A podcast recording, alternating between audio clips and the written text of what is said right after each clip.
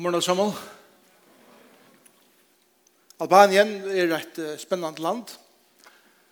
Nå kjenner tjei og trus var Albanien første land i verden som erklærer uh, seg til å være en ateistisk stad. Og kommunistiske partiet til gjør det seg uh, et område midt i Trana som man kallar for The Block.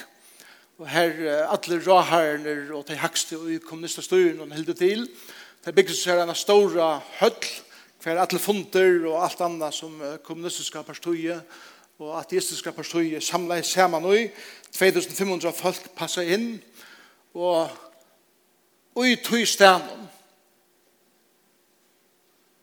Her sjå Arne Settene, høtte vi et møte. Hver hundre av vise folk strema fram, at djeva så lov til Jesus. Amen. tjau reisast og må vujtja. Ideologier reisast jo opp og det er bare eit som er standande og det er kraften i evangelien og ta og i kraften i evangelien kommer inn i en nasjon så, så byrjar det å kolvelta alt, og korrupsjonen som er i en, i en nasjon som har vært så korrupt så langt, kan bare være ombrøtt av evangelien og kraftene som er i evangelien. Og det er fantastisk å framgjøre at det er være en pastor av tog. Og vi er en pastor av tog som samkommer. Og ta jeg fire meg til Filippe-brevet i det, så, så har jeg finnet en så deilig en tekst som, som er så utrolig ryker av evangelien. Så jeg håper jeg vet at jeg bare kunne komme atter til ABC-et og grunderleie fire øtlån, og det heter dyr, dyra bæra, kraftmikla evangeliet om Jesus Kristus, som gav sitt liv fire okken, og som bøkte seg selv nyer, og ur sønne status i livet tok et annet status og passe fire at djeva okken, det som vi i okken selv ikke kunne. Først tjena, etla for vinna, etter på nægra måte få. Og som er fyrrega med, så, så sier jeg også om det her, at vi, vi er oppvand i en samfella, vi er oppvand i en skolasystem, og hele tiden i en paradigma som på hvordan jeg kan måte setur størst viri i status, til å være virtur, til å være satt opp til, en personer som på en måte og i samfunnet eh, vekser seg opp etter stianen, Her vet vi ring fire. Ein som spreier seg ut etter og hever avvarskan ut etter. Og, og andre mennesker som vi er er en personer som vi på ankra måte sutja opp til og vilja være som og elska være virt og, og satt opp til og høyra søver om hva vi kommer til gjer og så vi er og nekka ui halten tjåken, tjakon Hesten her ui okon som elskar å få nekka og, og, og suttjast som okkur damer ekvile vel. Vi elskar søver om ørenda drøngen, eller drøngen som selte flasker, som nå er det er en stor vinneløs leier, eller varsekonna som gjør det stjåre, eller tilflytaren fra en fader av landet som kom til et land og her oppbygde en stora fyrtøk og hei stora vending i sin sosiala løyve og, og i et mulig øren. Vi elsker det eisen samkomne gjørs dem. Vi elsker at høyre søver som som er om folk som kommer fra Lytlenkåren og kanskje Ongon og troblom bakgrunden og så på andre måte så nemmer herre vitt deg og de blir noe størst hugsa om alkoholikaran som blivur evangelister. Jeg hugsa om skøtjena som gjørdes til en fantastisk sangarinta. Jeg hugsa om hin heimleisa som gjørdes en lærare. Jeg hugsa om hin personen som, som ikke sjølvsfyr i heie og unga tårdet hitje i egene, men som bleiv en leiare og leite andre mennesker. Vi elskar hæsa søvnar, og vi elska at på anker måte er få at her fram. Sjoltan høyra vid søvnar om tan personen som fyrir Kristus har skuld gav alt opp i løyvene og blei lytel og anki.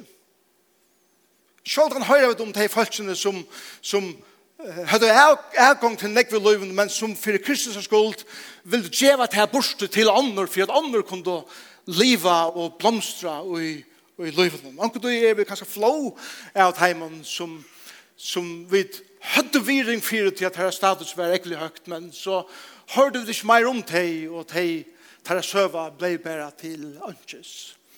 Halda vit, inntil vi byrja at hitja vi øre brillum, og vi skifta paradigma i okra måte at suttja heimene på, og suttja at veveren oppetter er mengan nyretter, at hin syste skal være fyrst, hin fyrste skal være syst. Det som Guds rydtje og maten at hukse på og i Guds rydtje som er tryggvande er ofta stikk i motsatt tru som vi er oppvaksen i okkara samfunnet. Og kjalt maten som vi er tryggvande men kan vilja vera på. La oss til å lese Filippe brevet kapittel 2 og de første 11 versene som tåsar inn i akkurat hattar.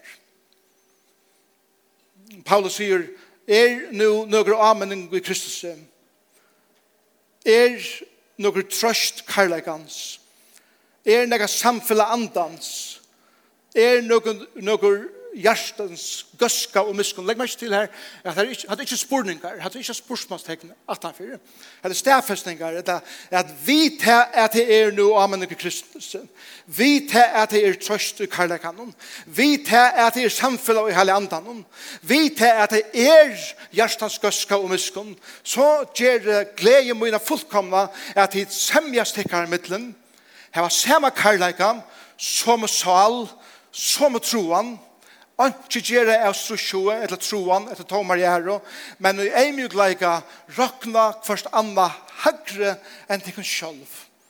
Og ikkje heva kvart sitt egna fri eia, men eit og kvart eisen til som øren høyre til. Og så sier han, la meg gjere tikkun eina mynd av, eina firmynd av, hvordan det ser ut ultimativt. Saba sinnala veri i tikkun som veri i Kristi Jesus i er, mittelverset som knyter det som man sier sammen vi fire myndene som man nu får vise oss. Og det er femte vers. Sama sinnale veri tikkun som vær i Kristi Jesu. Hvordan var det sinnale? Ta og han vær en så god. Rokna jeg det ikke for råan av være jaunlige gods. Nei, av seg sjølvun sies han undan tog. Gjør det ikke en så tænare og vær menneskjen lykker. Og ta og han var stien fram som menneske, sett han seg sjål han lagt, så han var løyen til deian, ja, krossdeian. Tui hever god eisene sett han ekvelig høgt. Og giv i hånden navnet som iver ötlom navnet er, fyrir er det navnet Jesus er, hvers knæ skal bodja seg, tarra som i himmel er om, tarra som i jøren er om, og tarra som under jøren er om og hver tunga skal gjøtta at Jesus Kristus er Herre, gode feir til dørt. Fantastisk vers som etkje okkon er at liva, at liv krever suttje at status er nemlig at her er at vera sattur eins og Kristus og som han ser okkon. Paulus hei på nekka måter og i sin liv er fantastisk status og høgt virtur, men her som han er, han skriver Filippebrevet, som bæg høgne og, og sin øve langt, jeg har fortalt noen om, ikke kommer sin av det, er kurser til at Paulus er ikke av Ritz-Carlton og i Rom, vi, vi er en deiligere rikmassasje og noterer et brev til dere. Han er ikke spa. Han er i fengehuset. Og at attityden til Paulus er at her som vi er bare nå, det status som her nu gir meg her bare nå, er det som for her det største avvarskan uttøy som vi gjør i løven bare nå. Ikke halda til at jeg tog at løyve er nyalia og det stender idla til og i okkara eion er god ikke kan bruke okkara her reisene. God innskjer okken vi først er vera av en avvis sted som koster okken deg fire at okker attityder kan brøyta. Så Paulus gleddest. Han gleddest om flippe menn som, som levde sitt liv for Jesus. Han gleddest om at vaktene som held vakt i noen hørte evangeliet og hos keiserens ble flere og flere mennesker frelst. Han gleddest om at det at være i lunchen og bunten til en annan soldat gav taimon som så etter dyrvi a fara ut a fortelja om Jesus Kristus. Og så sier han, vet du hva, jeg gleder om alt det her, men vet du hva gjør mine glede fullkomna? Og til det er tid semjas til Og Sankoman Filippi var ikke en sankoman som hei nekta tro på deg, men som ene for andre sankoman så hei hun eisen sånne avbjørnger, akkurat som vit, og et. Og ut fra hesen teksten og sykja vid akkurat som at ein av avbjørnene som Sankomannen Filippi heie var hetta at folk høyde høyde ui seg som kommer av okkara ubegving og samfellags måte at livet på at jeg må sykja fyrir at jeg velger mot navn og jeg velger mot status og ta og ta er på plass så kan det bli et hoksamonder. Hva Paulus sier at Det som gjør mye glede fullkomne er det at de brøyta det fullkomne. Og de faktisk huksa om andre åren de huksa om tykken sjolv. At de ser det vire i andre åren de ser det vire i tykken sjolv. At de synes for at andre har det godt åren de huksa om hvordan vel og i tid innsja er hava det. Det heie, sier Paulus, gjørst mine glede fullkomne. Og så gjør Paulus åkken en firemynd av hvordan det ser ut. Og jeg vet ikke hvordan tid her var det. Først her vi er akkurat som det er akkurat som en smadrongren som, som uh, ikke har kikket seg noe godt. Eller er ikke ordentlig, livet kjørt opp til syslabatene eller noen annan. Og foreldrene bør via nevne navnet, ja, men du burde være mer som hånd, eller som syslabatene kjørt der, eller som hæsen. Og, og man, bare, man blir bare over og over i en andre. Så jeg klarer ikke å leve opp til det her. Det er ikke en firmynd som etjer en til å bli bedre. Det er en firmynd som sier, hva skal jeg ha tøyme i stedet?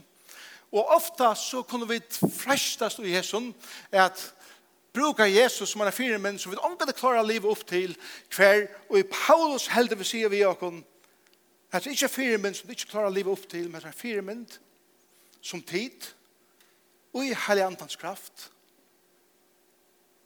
kunne bli å lykke som. Og la meg tog vise at vi kom hva han gjør det. Vi kom ångre det gjør det av hans skala, men akkurat løy kan ei kjennes det av tog som Jesus gjør det. Og det er at han gav alt sitt opp for å bjerge ter og mer. Og ta igjen i gjørst det, litt god han opp, og gav honom til navn og til ære, og han alltid har haft æren. Og det som vi lærer av tog er at ta og vi lærer at være som Kristus, og vi er villige at offre oss for jønner, så får lønnen at han, at Herren skal gjøre oss store glede i livet som lytter oss opp, og få en smakke av hva det er å være som Jesus. Han er så løtt som ta ui en tryggvande som eier å være som Jesus, leder holdt komma fram, og de kjenner at det vel, velgjøret, sier han. Jeg har det ofte at mot holdt, ja, Jeg vil hattar, jeg har oppe på det, et eller annet, jeg har yta og gjøre det her. Men Kristus sier, ja, men det er ikke dette snur ikke omvendt nå. I Albanien nå så, så kommer jeg kjenne nok så vel låsangsleieren og orkestren som skulle leie det store møtet som vi, som vi høyde. Og han er 16 folk under seg, og knapplig en dag, torsdagen i Søstervik, så er det akkurat som at okkur kommer ui igjen, og det er holdt det. At han, han på en måte sier, er ikke noe virtur her beint. Da begynner vi at han ikke var bjør over til en fond, som vi tatt om, som hei vi noen praktisk ting å gjøre, og alt at han hørte som funderen vær, og han ikke var bøyen vi, så sier han, jeg sier opp. Jeg vil ikke ha det at Jeg vil ikke ha vi et her å gjøre, tog jeg at jeg skal ha penger etter fire, jeg har oppebord status, jeg har oppebord respekt, jeg skal være vidt til funden der, jeg skal ha et år å si her. Og anker helt at her som det finnes en eller annen, men jeg synes ikke det er en eller annen, holdt det er så rævlig løtt og jokken, for det kommer fram. Vi får be for mannen. Så at annars er han en fantastisk mæver eimjukur, og fittur og viljur til at, at tjena, men til akkar som at akkurs kom ujan. Og jeg veit vel hva det er, og det er hettar, at ta og krefter nær som er i himmelrummen, som er stort av det sataniska, suttje er god fer at gjere okkur størst nu, så ledja der etter teimon, som på några måte är vi och att få det här att fungera för jag få hållt det fram. Och det är om medaljeljöt.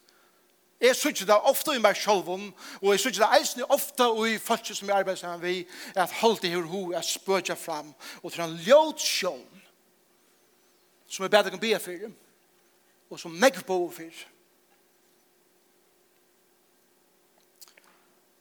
Sama sinne lever tikkun, som er Kristi Jesus. Vers 6, ta jeg var en så god, råkna jeg det ikke for han, jeg var javn og ikke. Gods. Hette tas seg om Jesus, som alltid har vært en fullkomne god. Hans status var himmelen i vrødlen himmelen. Steget som skyner sin dørt, stegi hver han det og natt vil tilbyen av englun som bøtja seg for hånden og synsja heilaver, heilaver, heilaver.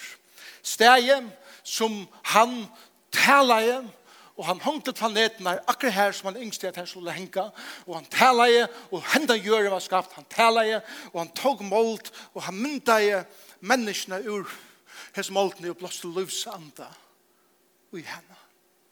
Hesen som er allmåttor, hesen som er allastanar sen, hesen som er alt vitande, hesen som styrer og heldur öll skapande versen og i sinne hånd og er livblasaren inn i kvann anda drott, kvann hjertaslott. Tja kvarjon blæje som hunker av kvarjon treje.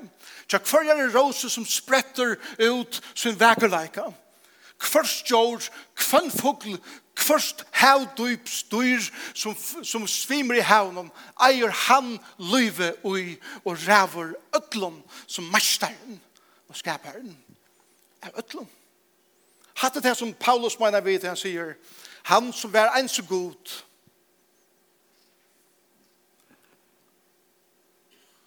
og han hikker at menneskjen, så ikke det fyrir det kom henda fullkomna harmonien mellom færen, sonen og hellandan. Færen elskar sonen, sonen elskar hellandan, hellandan elskar færen. Så et kardagsforhold mellom middelen tror endna, og tar skapa menneskene vi tror for eie, at vi ikke bjóa menneskene som er skapt i Guds bylade, inn i okkar forhold, så er det at menneskene tar henne bevega seg og lever, kan utstrala okkurst av tog som god er. Er Det er vi skapt til som mennesker. Og så hender det at menneskene fettler i synd. Og det valgte god til slike sorg og himmelen og slike sorg at menneskene som syndere ikke kunne få ægångt inn i himmelen langer. Synden gjør det en djegv i middelen god som er skapt menneskene og menneskene som nu ikke langer kunne komme innfyre en heilagen god. Det var okkara støve. Og så sier Paulus at han råkna det ikke for ran er vera jaunløse gods. At råkna det ikke for ran betyr hettar at Jesus hikker av ferden han hikker av heilandan og han hikker at alt som han hever, og heter fullkomme, og at ikke råkna til fyrir råan betyr, at hette ikke nega som jeg hever, bare for at heva for meg selv. Jeg vil bruke det som jeg hever, til å gå an for ånder. Til det som det betyr ikke er råkna. Jeg tar ikke det til råan.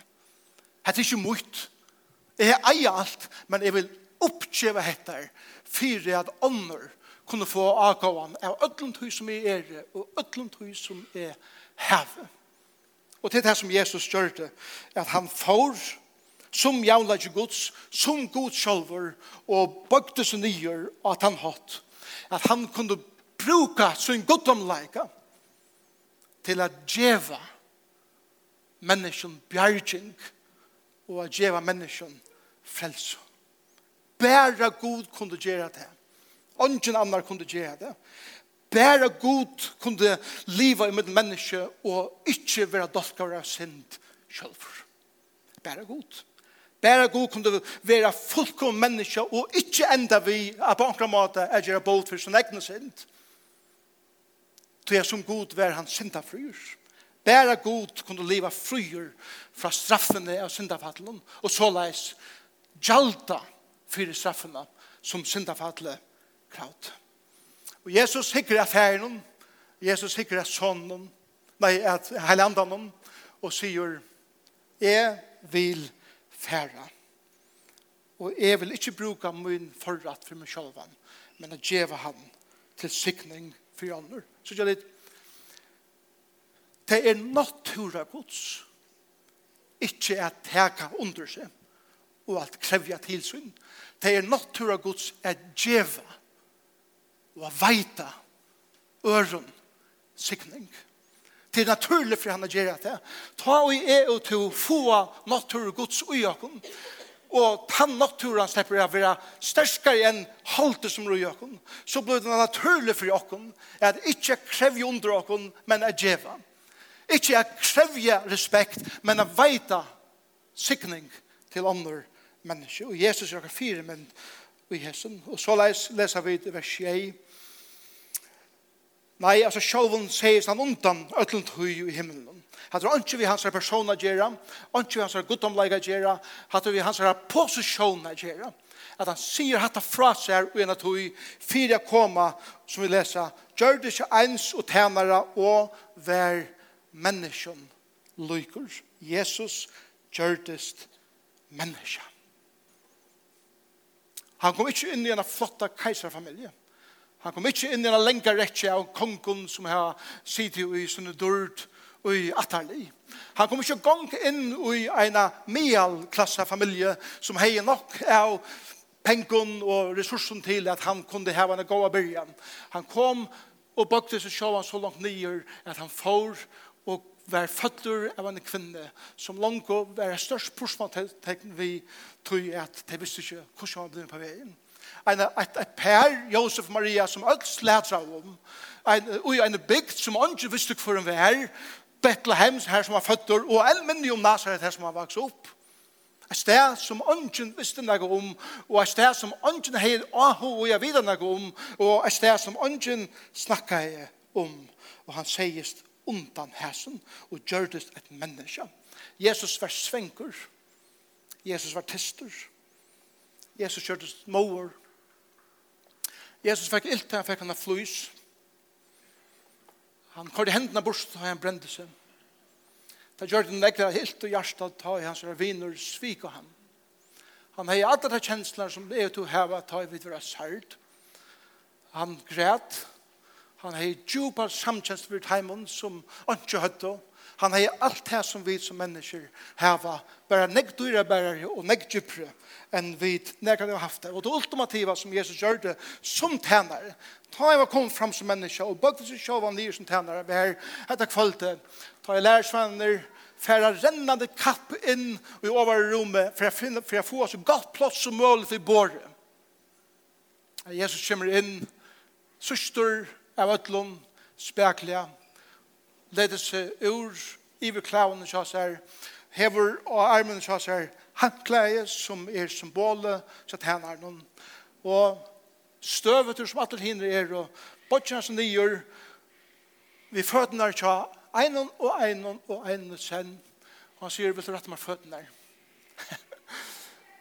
Og et av flåsligast til at få beinene vaskar til at det lukta tattnagas og her lakres og her alt mulig godt i middelen tattnar.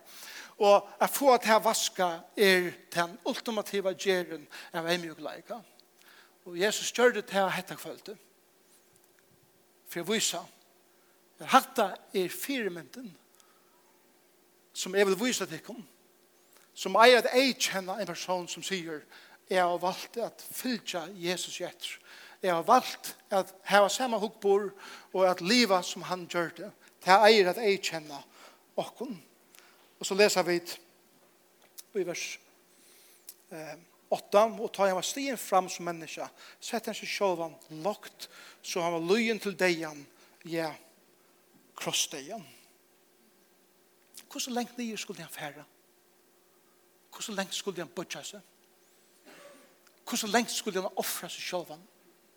skulle han bodja seg sjolvan nyer av en kross, og en kross som var bæra for kriminell, bæra for svitjarar, bæra for teg som er oppe på bordet, at allment er litt opp som skam for det som det var gjørst.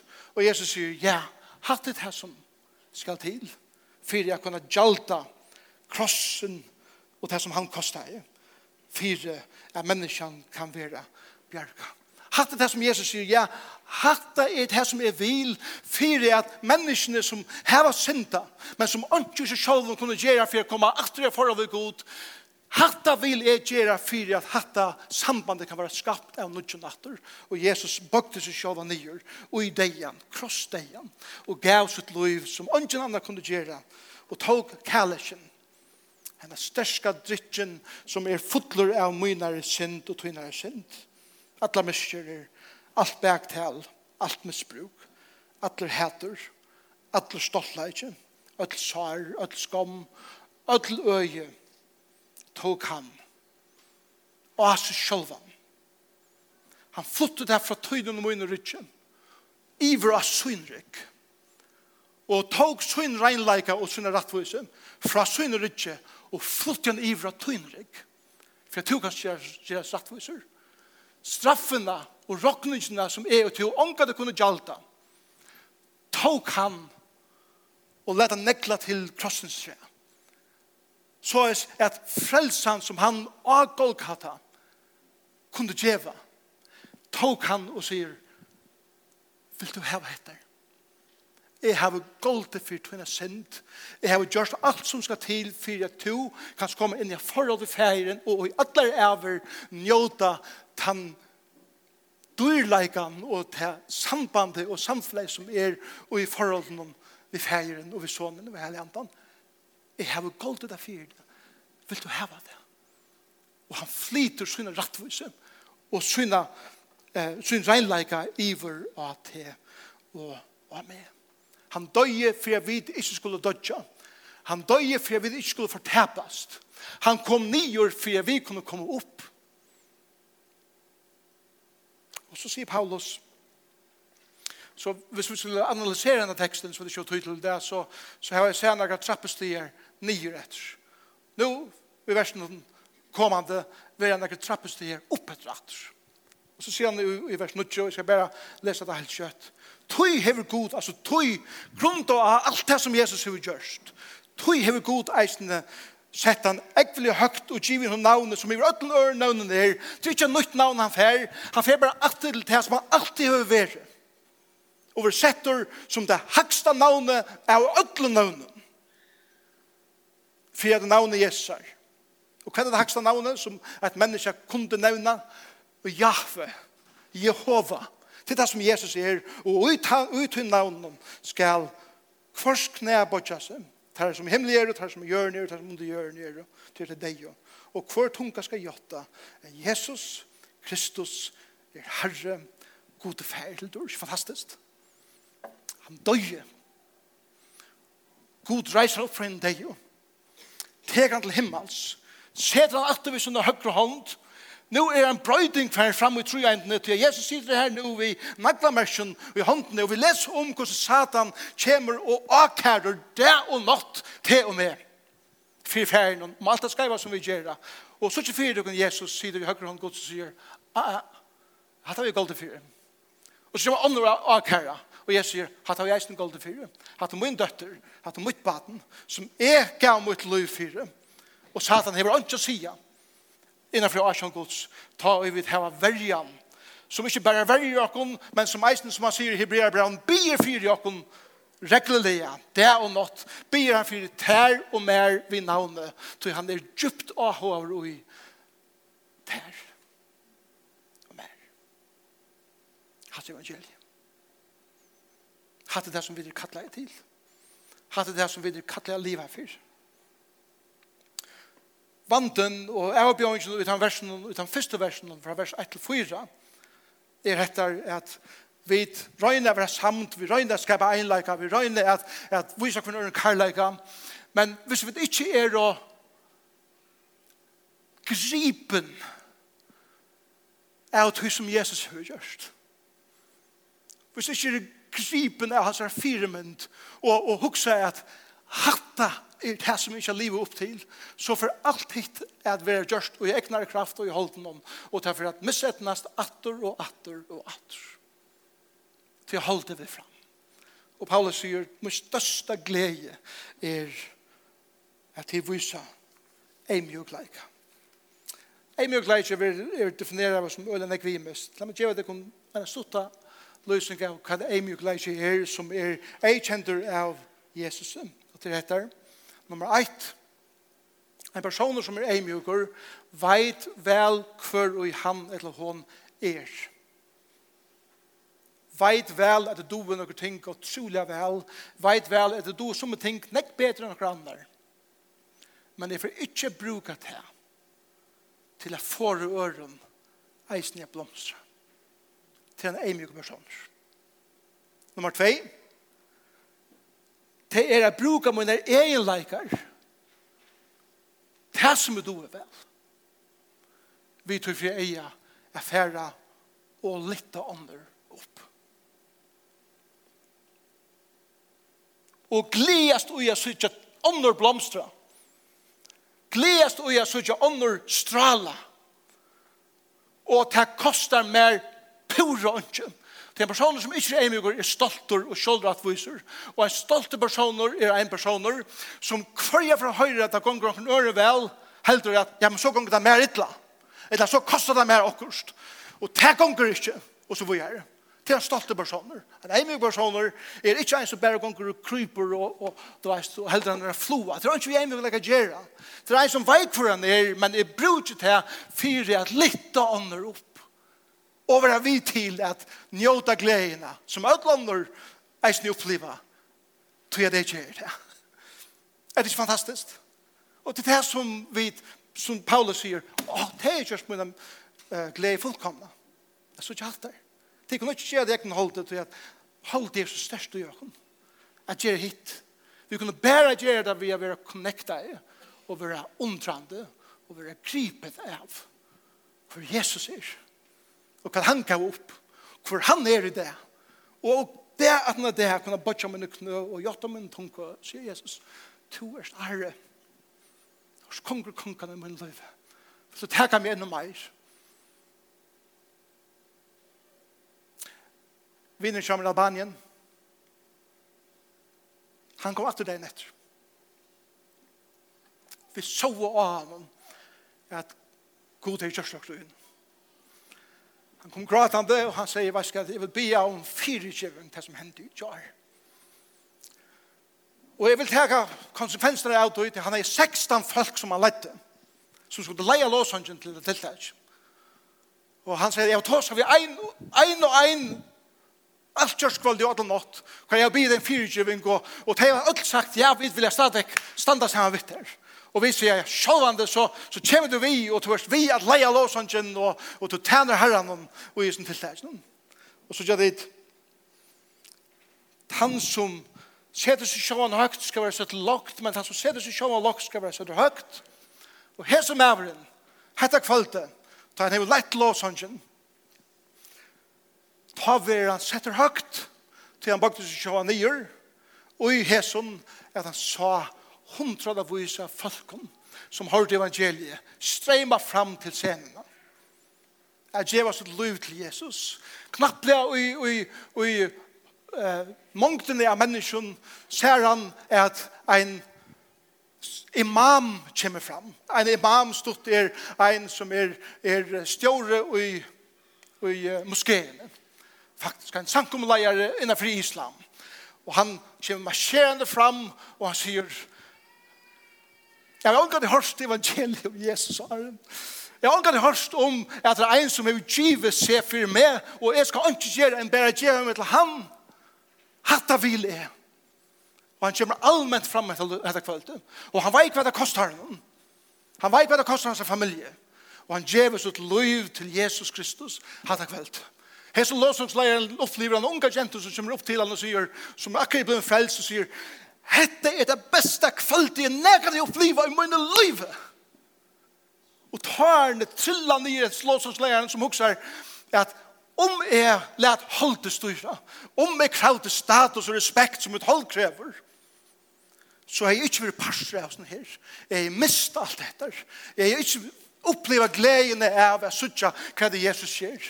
Men jeg tror at Kristus fikk fædrøyen natt til nattene. Slapp han å oppleve hettar som bare evangeliet kan gjøre, som bare Jesus kan gjøre, og som vi som avskår på ångre måte ser på en pastor av så att vi leiklod likelot är ute i så er vi den pastor av Just kvölde fikk en, nei, til noen kvöld siden jeg fikk en mail fra min kære vinner Hans, som eisen er vimmer i Nekvendnessen her. Han sier at vi, vi var norrle landen og høtt og undervisning for samkommer her beint. Og det kommer flere bussar fra her norr fra i landen som er avskåret fra ødelen hinnen. Og en unge dronker som var i bussen som en viner hei bjør vi kom fram etter kvöld og han gav seg til liv til Jesus Kristus etter kvöld. Og i vikeskiften når det er at noe som er hent så kommer papi hentet dronken til pastoren og i samkommende som er en grannabygd. Og sier vi han, Jeg vet ikke hva det er en sånn kommer, men jeg kjenner ikke min sånn at han er fullkomlig kolvelter, og, og det som han utstråler nå er alt annet enn det som han gjør i åren.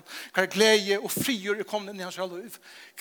Kan du komme hjem til okken, inn i okker bygd, og fortelle okken hva det er som, som vi har snakket om? Og nå er han avtale i gjørt i middelen papa hentan drøntgen og pastoren hinn er samkommet og hinn er bygdene. At han egnar fra vikene for å komme inn i disse bygdene som ikke evangelisk vittne gjør i. Å fortelle om hva Jesus Kristus er. Amen. Så jeg at jeg gleder mine fullkomne Det betyr at den største gleden er som vi kan oppleve i livet er ikke akkurat egna status. Men til å oppleve det even naturlige. Det god kommer inn i menneskeliv og kalvelter og prøyter innanfra og ut. Og vi får fram og retten er standa som avskoar til dette, som bare god kan gjøre. Og vi sier halleluja, prysa vi Jesus navn. Og nå får jeg vite at det er gav jeg Jesus Og hette er bare symbol om det som jeg har tås om det, som vi gjør vikakna vikom. Det er han som var i himmelshatten kom nye til gjerrer og gav sitt liv. Og han reiser opp for en dag og er livande i det og vil gjøre okken liv. Og han vil og i hesson minnen om vunne og breie, sier vi okken, at jeg er i en samme som vi gjør. En samme i det. En samme i det er. Og jeg kan være vid til at ombrøtta ditt liv. Og tøyt paradigma. Kan akkurat status ikke være langer mett etter hver heimeren heldur, men status er etter tøy som Kristus setter sitt stempel av akkurat liv. Herre, takk for det. Breie og takk for vune, takk for det. Hver du erst, hver du gjørst. Takk for det for akkurat fire mynd. Takk for at det største vi kan oppleve i livet er hettar at ein flyter seg sjåvan av venen for at litt en annen opp. Takk for at du gjør det her vi åkken. Du flottet det selv. Du råkner ikke for ran. Jeg bare halte det for det selv, men du valgte jeg bortsett nye for å inkludere åkken inn i ditt liv. Hjelp åkken og i åkkere daglige deg og i små kåren og omstående som vi får fremme til rettene det hese kommende vikene. Jeg sier, jeg vil være vi til å lette hantepersonen opp. Få henne blomstre, strala, så at jeg kan sutja hva bare du kan gjøre. Takk for at alt dette er i breinen og i vinnen og sikna det til dere som vi nå låsynja samtidig som vi køyra breie og vinner rundt. Prysa vi ditt navn. Amen.